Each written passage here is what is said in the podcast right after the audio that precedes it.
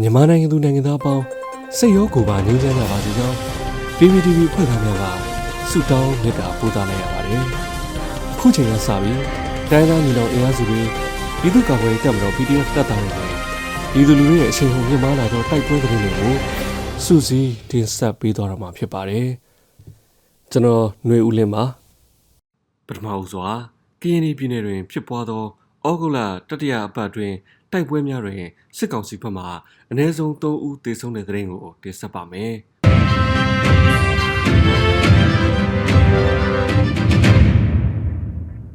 ကင်းနီပြည်နယ်တွင်အကြမ်းဖက်စစ်တပ်နှင့်ကင်းနီပူးပေါင်းတပ်ဖွဲ့များကြားဩဂုတ်လတတိယပတ်တွင်တိုက်ပွဲများပြင်းထန်ခဲ့ပြီးအကြမ်းဖက်စစ်တပ်ဘက်မှအ ਨੇ ဆုံး3ဦးသေဆုံးကြောင်းအတည်ပြုနိုင်ပြီးထိခိုက်သေဆုံးမှုများကြောင်း ကရင်နီအမျိုးသားကာကွယ်တပ်ဖွဲ့ KNDF ကသတင်းထုတ်ပြန်ပါတယ်။အကြမ်းဖက်စစ်တပ်သည်ဖရူဆိုလွိုင်ကော်မှတဆင်ဒီမော့ဆိုမြို့နယ်ဘက်သို့တပ်အင်အားဖြည့်တင်းကစစ်ကြောင်းထိုးလျက်ရှိပြီးကင်းဒီပူပေါင်းအဖွဲ့ကခုခံတိုက်ခိုက်နေက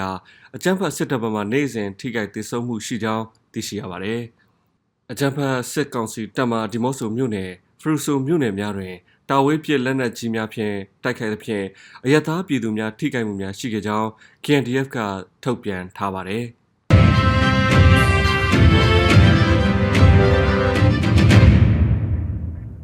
ဆက်လက်ပြီးချောင်းဦးကန်ကြီးကုန်းရွာရှိပြူစောတိစခန်းကို drone ဖြင့်ပုံကျဲမှု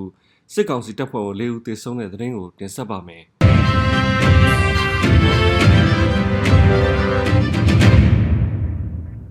ကိုင်းတိုင်းချောင်းဦးမြို့နယ်ကန်ကြီးကုန်းရွာရှိ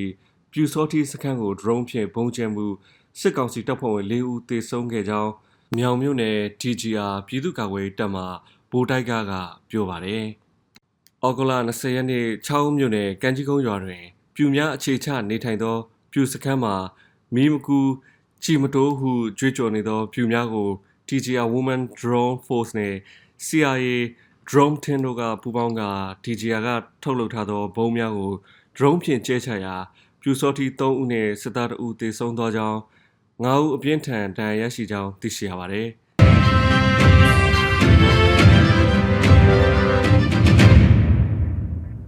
ကတာမြို့တွင်မြို့လ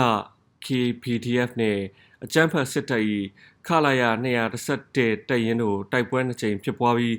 စစ်သား9ဦးသေဆုံးတဲ့တဲ့ရင်ကို ဆက်လက်တင်ဆက်ပါမယ်။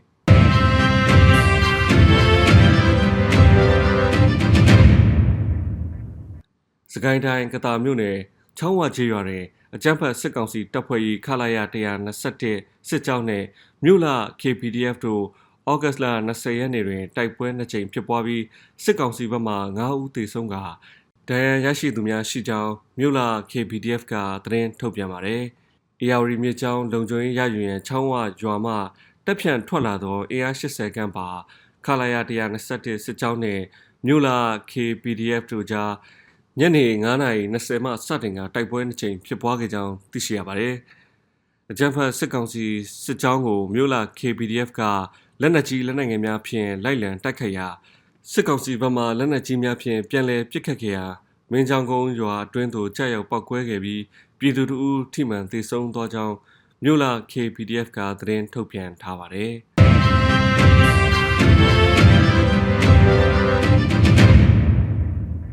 နောက်ဆုံးအနေနဲ့မရယာတွင်စစ်ကြောင်းထိုးလာသောစစ်တပ်မိုင်းဆွဲခံခဲ့ရပြီး၃ဦးသေဆုံးတဲ့သတင်းကိုတင်ဆက်ပါမယ်။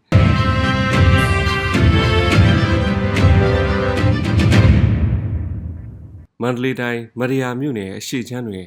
စစ်ကြောင်းထိုးဝင်ရောက်လာသည့်စစ်ကောင်စီတပ်အင်အား28ဦးပါစစ်ကြောင်းကိုမိုင်းဆွဲတိုက်ခိုက်ရာစစ်သား3ဦးသေဆုံးကြောင်းသိရှိရပါသည်